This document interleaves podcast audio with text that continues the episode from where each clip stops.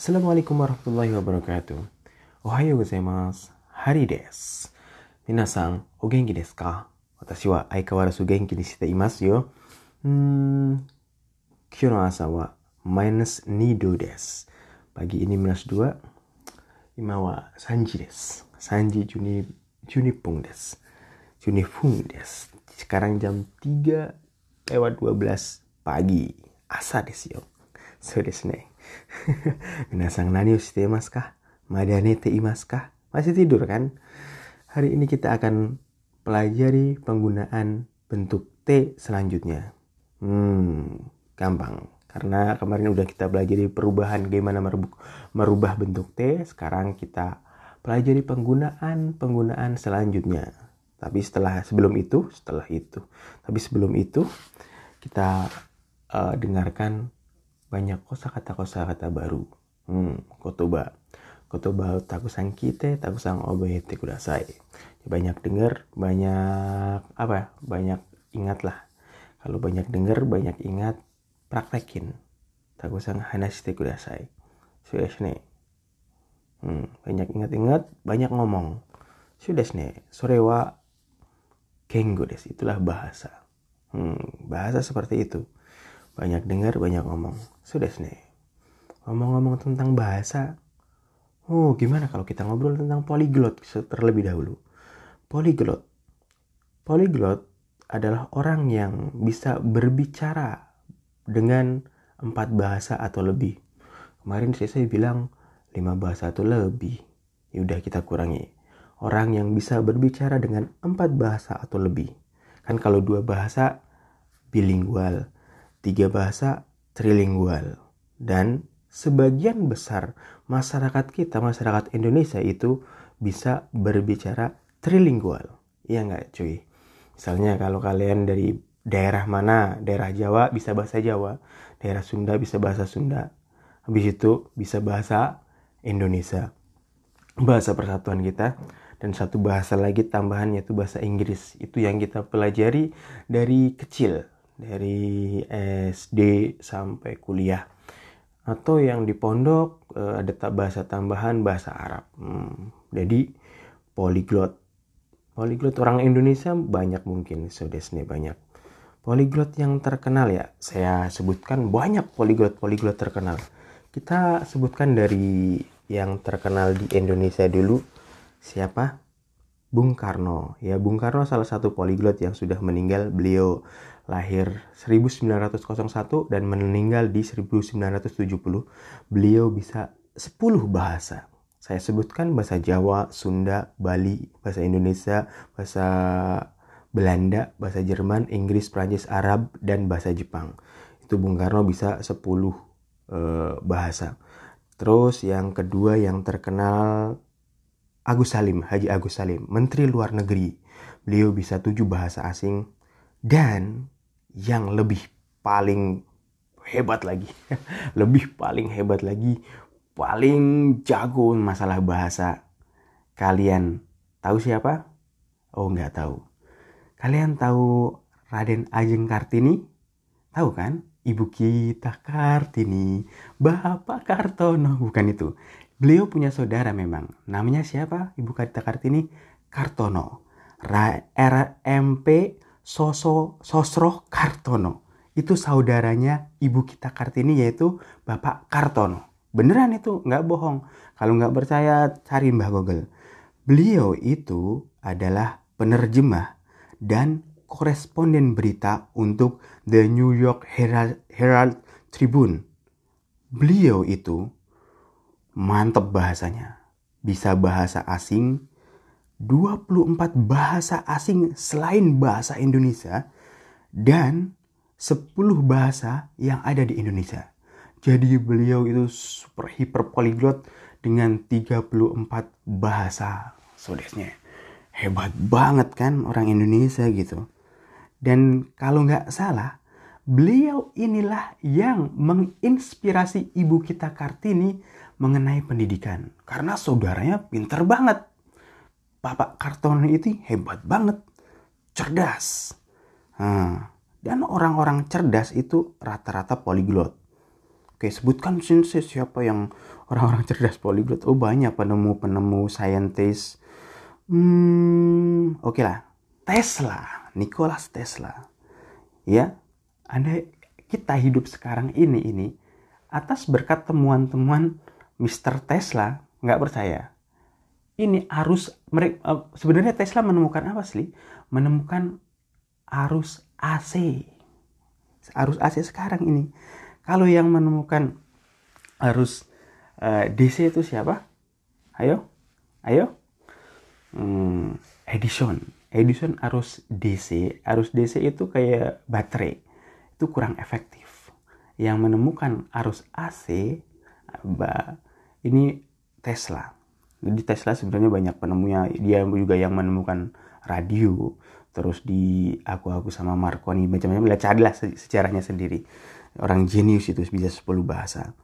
Terus yang paling terkenal mungkin di sampai tahun 1930-an yaitu Emil Krebs. Yaitu Emil Krebs beliau itu bisa 68 bahasa bahasa baik tulisan dan verbal dan beliau juga mempelajari 120 bahasa lainnya. Hmm, sebenarnya siapa paling jago yang paling banyak bahasa manusia itu? Satu orang, Nabi Sulaiman. Kenapa? Karena beliau bisa seluruh bahasa manusia, terus bahasa binatang dan bahasa jin. Itu benar-benar ekstra super polyglot. so desne. Terus yang masih hidup yang terkenal siapa Sensei Polyglot? Uh banyak banget. Saya sebutkan dan nggak yang terkenal dan nggak yang terkenal dan nggak yang terkenal. yang nggak terkenal banyak banget. Saya punya teman itu bisa 9 bahasa. Bahasa Mandarinnya jago, bahasa itunya jago. Tapi ya orang nggak terkenal orang biasa, tapi bisa. Saya saya ngobrol lancar banget. Bahasa Jawa, bahasa Inggrisnya, bahasa Arabnya jago. Hmm, Cinanya jago, nulisnya jago. Anda yang kenal Trevor Noah, Trevor Noah komedian, uh, dia bisa tujuh bahasa atau yang paling terkenal itu Steve Kaufman bisa 20 bahasa uh, bisa atau lihat Fasah itu dia pemegang Guinness Book of Record. Dia mengklaim dirinya bisa 59 bahasa. Oh kalau orang sepak bola ini tahu ini Jose Mourinho. Dia itu bisa 6 bahasa. Uh, terus uh, ada juga penerjemah terkenal namanya apa Ioannis Ikonovov beliau itu kalau nggak salah penerjemah di Komisi Eropa. Beliau bisa 32 bahasa fasih dan masih banyak saya sebutkan macam-macam.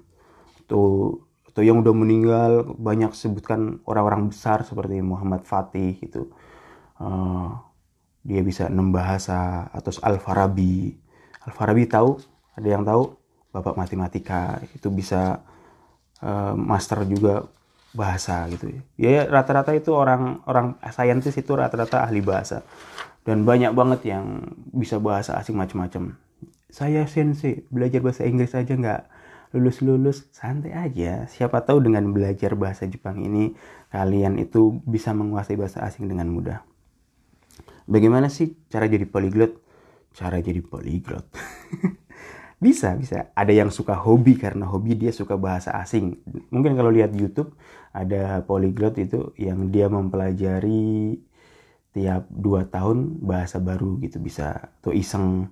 Atau emang dia emang jenius. Dia itu jadi emang pinter dan tertarik. Dia mempelajari itu sesuatu itu cepat. Jadi dia itu belajar. Atau emang dia karena pekerjaan dan karena terpaksa kalau terpaksa gimana sensei? Ya dia dikirim ke luar negeri mau nggak mau dia bisa bahasa tersebut. Atau memaksakan diri. Terpaksa dan memaksakan diri. Memaksakan diri contohnya apa? Saya harus bisa. Ada tes saya ikut. Ya kayak saya ini. Ikut tes terus ke Korea mau nggak mau bisa bahasa Korea seperti ini. Keuntungannya apa sih jadi polyglot polyglot itu keuntungannya pertama ya bisa komunikasi. Komunikasi dengan bahasa asing tersebut yang kedua, orang yang bisa bahasa asing lebih banyak itu kayak punya jendela. Jadi bisa melihat itu lebih luas. Kalau kalian punya rumah jendelanya cuma satu, ngelihatnya satu arah doang. Atau mobil jendelanya satu, ya gitu. Pamanya mobil jendelanya satu. kayak mobil tahanan dong ngelihatnya ke depan doang kalau jendelanya banyak bisa ngelihat samping kanan kiri apalagi yang atasnya atasnya itu pakai kaca bisa lihat atas mobilnya. Iya nggak? Keren nggak? Punya banyak jendela gitu. Uh, bisa ngelihat jauh dan bisa memperdalam sesuatu yang orang lain nggak lihat. Melihat sesuatu orang lain nggak lihat. Karena dia itu bisa mempelajari misalnya masa lalu. Hmm, orang bisa bahasa Arab dia bisa mempelajari siroh atau sejarah masa lalu yang nggak diterjemahkan ke dalam bahasa Indonesia seperti itu misalnya. Hmm, dan bisa dia juga bisa nawar kalau bisa bahasa asing banyak nawar lebih murah biasanya. So bisa bahasa Jawa ngobrol sama orang Jawa bisa nawar lebih murah. Di Korea juga uh, bisa nawar lebih murah. Terus dapat duit dong. Bisa dapat kerjaan Pokoknya di Indonesia lagi susah kerjaan, susah cari kerja, ya keluar negeri aja ngubungin orang, eh, interview ke sana sini, dapat rezeki, dapat duit kan. Hmm. Kalian pernah lihat videonya Mark Zuckerberg, eh, pendiri Facebook, ngomong bahasa Cina di YouTube? Saya itu shock, saya itu, buset. Ini orang-orang Amerika bisa bahasa Cina. Ya itu kan karena istrinya orang Cina sensei. Jangan begitu cuy. Dia mau belajar itu intinya. Saya punya teman orang UK, orang Inggris, dia tinggal di Jepang waktu itu 8 tahun. Dia nggak bisa bahasa Jepang. Karena dia ngajar bahasa Inggris memang. Dan dia nggak mau belajar bahasa Jepang, padahal dia tinggal di Jepang. Dan saya punya teman sendiri yang kuliah di Jepang 6 tahun nggak bisa bahasa Jepang. Halo temanku, semoga kamu nggak dengar podcast ini. Sorry ya. Ya dia kuliah S2 atau S3 karena tiap hari kuliahnya pakai bahasa Inggris. Jadi di sana dia itu eh, nggak uh, sempat mungkin belajar bahasa Jepang. Saya tanya, kamu bisa bagaimana bahasa Jepangnya? Nggak bisa. Kenapa nggak belajar? Sibuk, sibuk gitu. Saya juga sibuk nih kerja jam 2 pagi malah malah ini hmm, bangun bikin podcast. ya begitulah. Jadi kalian itu apa ya? Bahasa asing itu bukan sesuatu yang menakutkan, bukan sesuatu yang susah. Enggak, biasa aja. Jadi kalau kalian tertarik dengan bahasa asing, kuncinya satu, kontinuitas. Seperti yang pernah saya bahas dulu di bab awal, uh, Keisokuwa Cikaranari. Jadi, uh, apa ya, Eh, terus berlanjut kontinuitas itu membuat sesuatu yang susah itu terasa ringan. Karena dibagi-bagi. Jadi jadikan sesuatu itu kebiasaan. Gimana cara merubah kebiasaan? Bangun lebih pagi lah.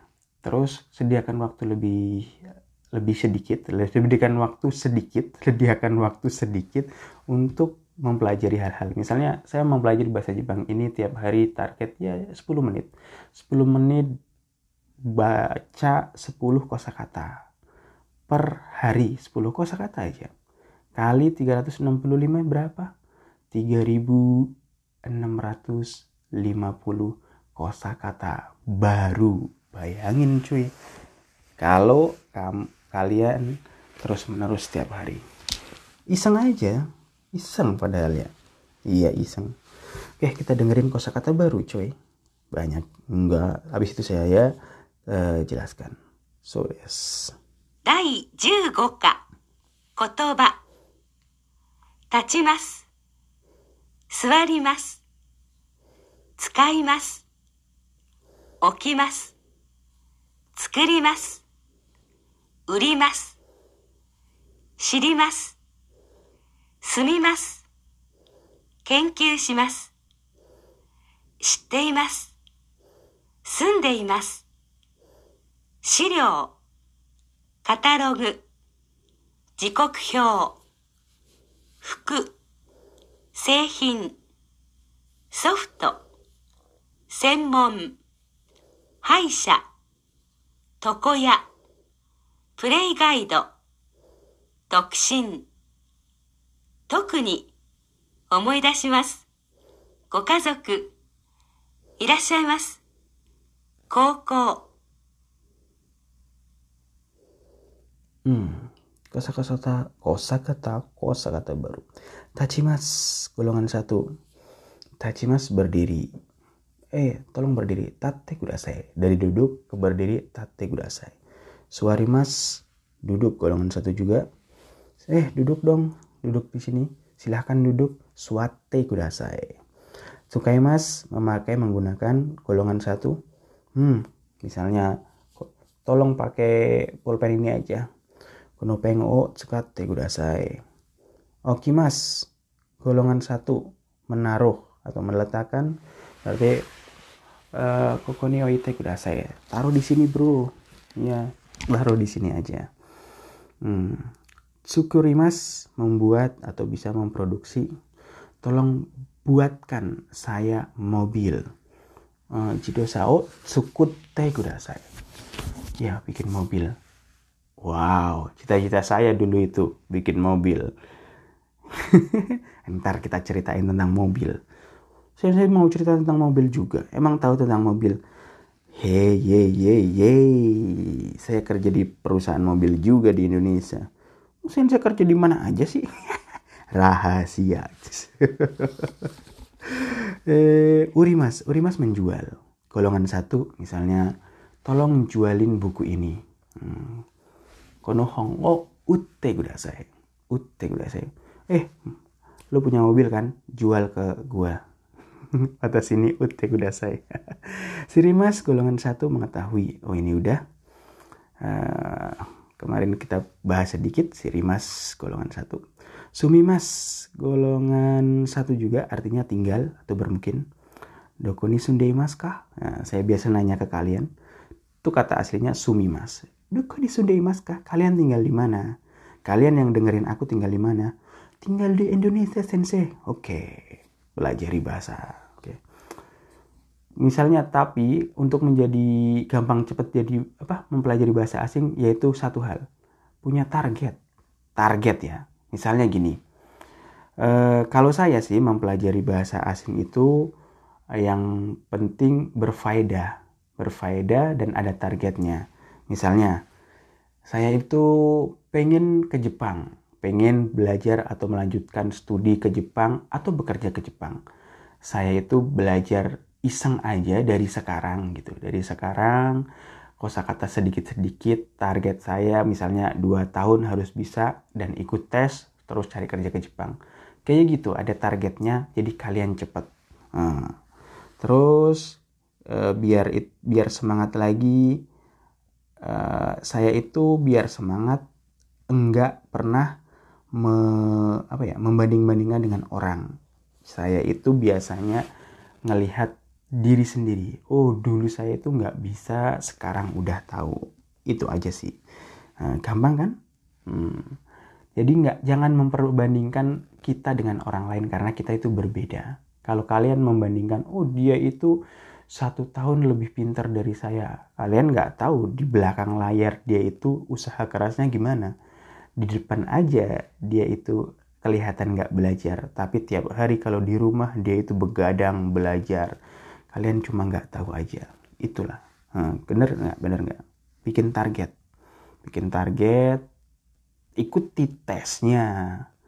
Punya target tapi nggak pernah ikut tes ya percuma hmm, cari kesempatan dan zaman sekarang gampang cari tahu ada apa Google mbah Google gitu banyak jangan banyak alasan sudesne Thank you simas. Thank you simas. Simas simas golongan tiga artinya meneliti. Kosa kata selanjutnya site imas golongan satu. Site imas. Mengetahui, mengenal. Sunde imas. Jadi kata sumimas. Misalnya Osaka ni sunde imas. Saya tinggal di Osaka. Sirio. Sirio itu data bahan-bahan. Sirio Watsumete udah saya tolong kumpulkan bahan-bahannya atau datanya. Kata rogu, katalog. Hmm, Jikokuhyo Jikokuhyo itu jadwal keberangkatan dan kedatangan. Jadi di Jepang itu kalau di Eki di stasiun itu kan ada Jikokuhyo. Jikoku bukan Jigoku. Kalau Jigoku itu artinya neraka. Tenggoku surga. Kalau Jikoku Hyo jadwal timetable itu loh. Timetable itu yang kereta datang jam segini, berangkat jam segini dan di Jepang itu pas ya di Jepang itu kereta nggak pernah telat Oh pernah telat Singkangseng itu. Kereta super cepat pernah telat. Sekali. Gara-gara apa? Gara-gara orang Indonesia. Turis Indonesia. Kenapa? Gara-gara selfie. Sampai masuk berita internasional Jepang. Eh internasional Jepang. Berita nasional Jepang. Singkangseng telat 7, 7 menit gara-gara orang Indonesia selfie. Udah bermasuk, udah harusnya berangkat masih selfie-selfie depan Singkangseng. Itulah orang kita. sorry sorry sorry nggak nggak gitu sensei ya emang gitu kita itu kadang ngeyel dikasih tahu udah ayo berangkat eh malah foto-foto bikin telat. Aduh jadi berita. Terus kata-kata selanjutnya fuku pakaian. Uh, seihin barang atau komoditi bisa produk hmm, si seihin arimaska misalnya ke toko ada produk baru nggak? Biasa kita kan suka belanja gitu. Softo software artinya senmon jurusan. Misalnya senmon gako itu SMK sekolah menengah kejuruan kalian yang lulusan SMK itu sekarang banyak kesempatan ya gitu dan. Uh, orang pengennya gaji yang murah yang pinter yang masih muda pekerja keras gitu. udah SMK pinter misalnya gajinya digaji maunya. Oleh semua orang cari karyawan yang seperti itu kan. Coba kalian itu ijazahnya S2 atau S3 orang mau gaji kalian juga kader ini lulusan S3 minta gaji berapa? Terus pertanyaan selanjutnya ini orang bisa kerja nggak? Kalau nggak di perusahaan misalnya kan kader itu karena terlalu banyak belajar gitu. Biasanya S2 S3 itu jadi dosen gitu. Saya mau jurusan keahlian. Bercanda bercanda gitu aja seneng ah sensei dasar sensei. Toko ya itu tukang potong rambut tapi sekarang kosakata ini kayaknya nggak dipakai deh. Ini kosakata lama. Sekarang mereka bilang sanpatsu ya. Hmm. Periga itu itu tempat penjualan karcis. Periga itu.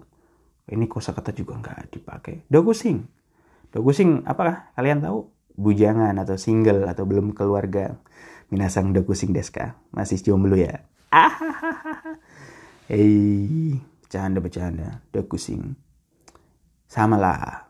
Bercanda sensei. Iya, kusing deska sensei. Rahasia. Himitsu des. Rahasia. Rahasia-rahasia mulu sensei. Ya iyalah. Di Kaiwa itu toku nih. Terutama, terutama misalnya watashi wa Nihon Ryori ga desu desu. Saya suka makanan Jepang. Tokuni tempura desu. Terutama tempura. Tempura mulu. Iyalah. Gorengan. Orang Indonesia kan makan gorengan. Makanya cepet koit.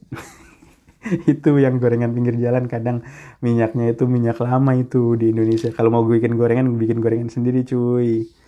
Omaedasu teringat. Wah, saya teringat ketika masa SMA misalnya gitu Gokasoku keluarga Anda, Gokasoku wa dokuni mas kah keluarga Anda tinggal di mana? Irasaimas, irasaimas itu ada bentuk dari dari imas, irasaimas. Oh, kok ini irasaimas? Kepala sekolah, uh, ya misalnya uh, koco, hmm. misalnya koco, kokoni irasaimas. Kepala sekolah ada di sini yo. Koko SMA SMA, Koko SMA. SMA kalian di mana? Uh, SMA masa-masa indah ya. Masa-masa indah ya saya SMA. Hah, ada yang masih SMK yang dengerin saya kah? Saya lihat statistik itu di bawah 17 tahun itu dikit sekali. Rata-rata memang mahasiswa ya. Mahasiswa atau mahasiswi eh, dengerin atau pengen karena pengen keluar negeri itu banyak belajar bahasa asing. So. Nippon Nihong Bashi, Nihong Bashi nama tempat di Osaka di situ juga terkenal so desne waduh tumben sensei ngomongnya lama ya wis lah karena sudah 24 menit lebih hari ini sampai di sini dulu uh, maaf ya kalau depannya ngobrolnya agak lama nggak masalah kan yang penting kalian dengerin semoga bermanfaat dan saya doakan uh, yang dengerin podcast saya itu bahasa Jepangnya lancar dengernya sampai akhir jangan depannya doang so desione Hai, so des. Kyo wa kokomade des. Hari ini sampai di sini saja semuanya. Mata asta. Sayonara. Arigatou gozaimashita. Ja ne.